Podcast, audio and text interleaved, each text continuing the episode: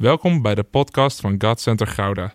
Vanaf deze plek willen we jou inspireren, motiveren en activeren om op een praktische manier je dagelijks leven met God vorm te geven.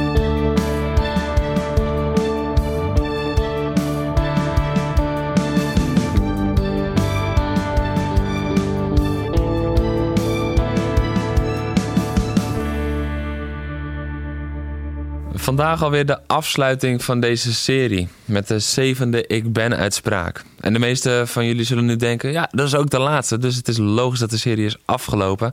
Maar ik wil je toch nog even nieuwsgierig maken, want in het boek dat ik heb geschreven, heb ik ook geschreven over de achtste Ik Ben uitspraak en het achtste wonder. En ook de speciale betekenis dat die achtste met zich meedraagt, uh, behandel ik daar uitgebreid in.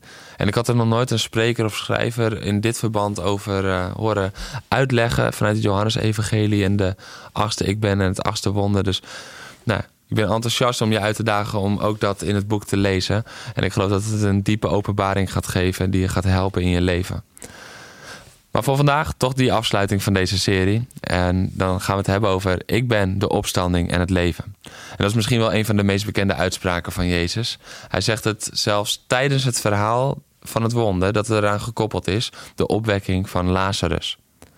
En eigenlijk moet ik zeggen dat een paar minuten veel te weinig is om dit verhaal echt helemaal recht te doen, want er gebeurt zo ontzettend veel.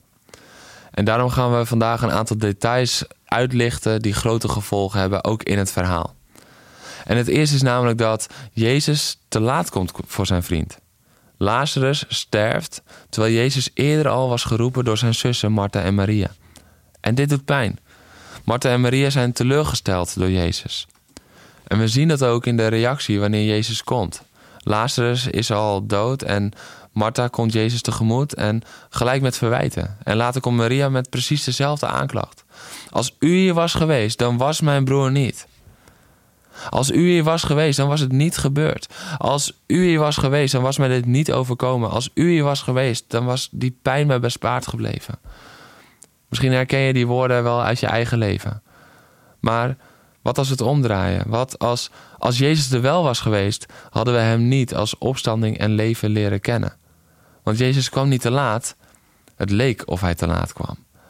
En hij kwam niet te laat of hij bleef niet weg uit onverschilligheid, maar hij bleef langer wachten uit liefde voor hen. Jezus deed niet wat de mensen van hem verwachten, maar hij deed wel wat de mensen echt nodig hadden. Maar als dat allemaal anders gaat, mag Jezus dan dichtbij komen? Want er is iets bijzonders aan deze scène in het leven van Jezus. Hij was namelijk een huisvriend bij de zussen en Lazarus.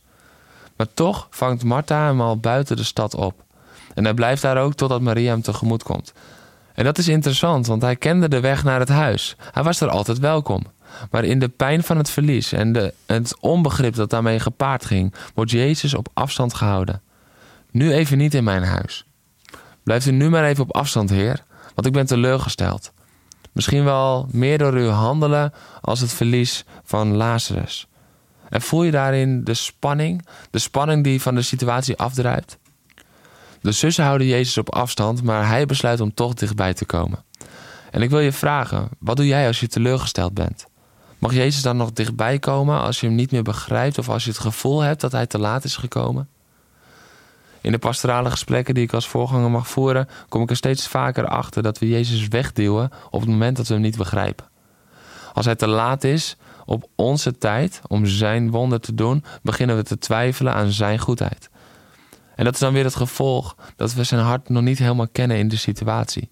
Want als we zijn hart helemaal zouden kennen, beseffen we dat elke handeling daaruit voortkomt en daarmee altijd past in de goedheid van wie hij is.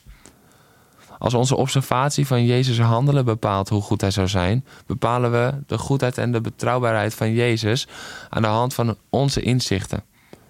En dat is de omgekeerde wereld. Maar wel de wereld die we vaak creëren in onze teleurstellingen. En terwijl je dit luistert, vraagt Jezus dit aan jou: Mag ik dichtbij komen? Mag ik bij je thuis komen? Hij wil niet op afstand blijven. Maria ging niet eens naar hem toe en daarom vroeg Jezus zelf naar Maria. Misschien voel jij je wel als Maria. Martha was nog naar buiten gegaan, maar jij voelt je misschien als Maria. Je bent verdrietig en neemt Jezus kwalijk dat hij niet heeft ingegrepen in je leven.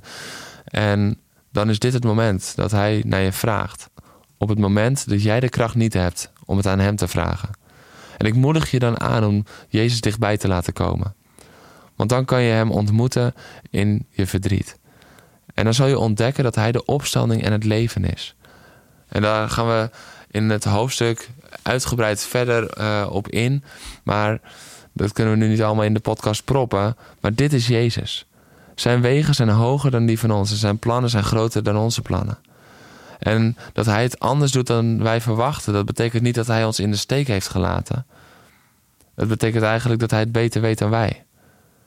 En deze vraag wil ik dan ook aan je stellen. Durf je het avontuur aan om Jezus te blijven vertrouwen? Ook als je niet begrijpt, ook als je het moeilijk vindt, ook als het lijkt alsof hij te laat komt.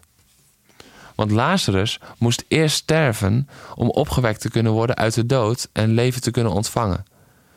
Wanneer Jezus op tijd was geweest, en op tijd tussen aanhalingstekens, dan was hij nog steeds de geneesheer voor Martha, voor Maria, voor Lazarus. En zo kenden ze hem al tijden. Zijn naam die was al voor hem uitgegaan en al die wonderen en tekenen hadden ze al gezien, hadden ze al meegemaakt. Dan hadden ze gewoon een bevestiging gekregen van hoe ze hem al kenden. Maar nu, nu kon hij laten zien dat hij sterker was dan de dood. Nu kon hij zich openbaren als de opstanding en het leven.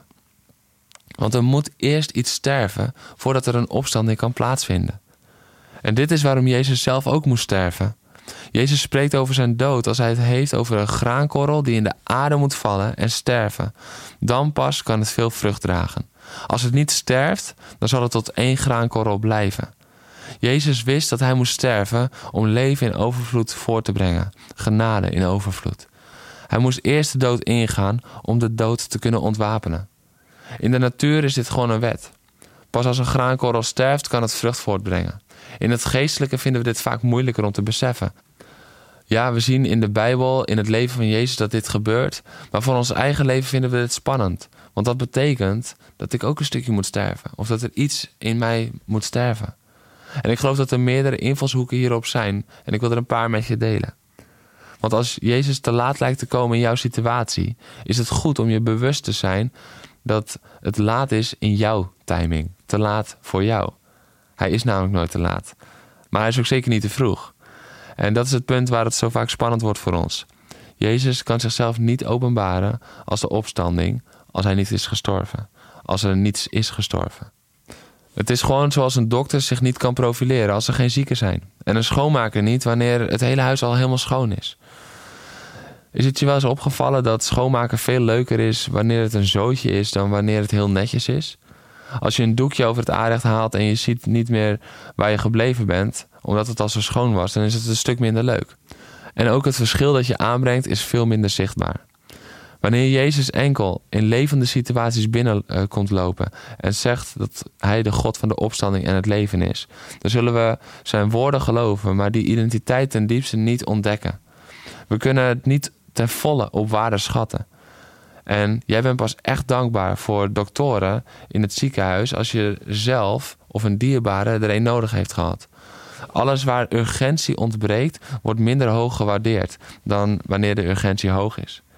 Jezus was niet te laat bij Lazarus, hij kwam precies op tijd om zichzelf op een dieper niveau te openbaren aan Martha, Maria, Lazarus, de discipelen en de omstanders. Hij wees enerzijds al vooruit naar zijn dood en opstanding en tegelijkertijd openbaarde hij zichzelf hier in de situatie waarin de dood het laatste woord leek te hebben, maar hij openbaarde zich als de opstanding die het laatste woord bleek te hebben. Wat er ook is gestorven in jouw leven. Misschien zijn het je dromen, je verlangens, je gaven, je talenten, je zelfbeeld, je huwelijk, je opvoeding, je vriendschap. Ik wil je bemoedigen. Jezus komt niet te laat. Hij is de enige die nieuw leven kan inblazen. Hij is de opstanding en het leven. En dat was de laatste Ik Ben voor deze serie. Maar dus niet de laatste Ik Ben vanuit het Johannes-evangelie. Want waar we eindigen, daar is een nieuw begin in die laatste Ik Ben. De achtste Ik Ben. Ik wil je uitdagen om het boek, als je het nog niet hebt besteld, zeker te bestellen. Dat kan je doen op jeroendorstein.nl. En ik hoop dat het je ontzettend gaat zegenen. En ik hoop ook dat deze serie jou gezegend heeft.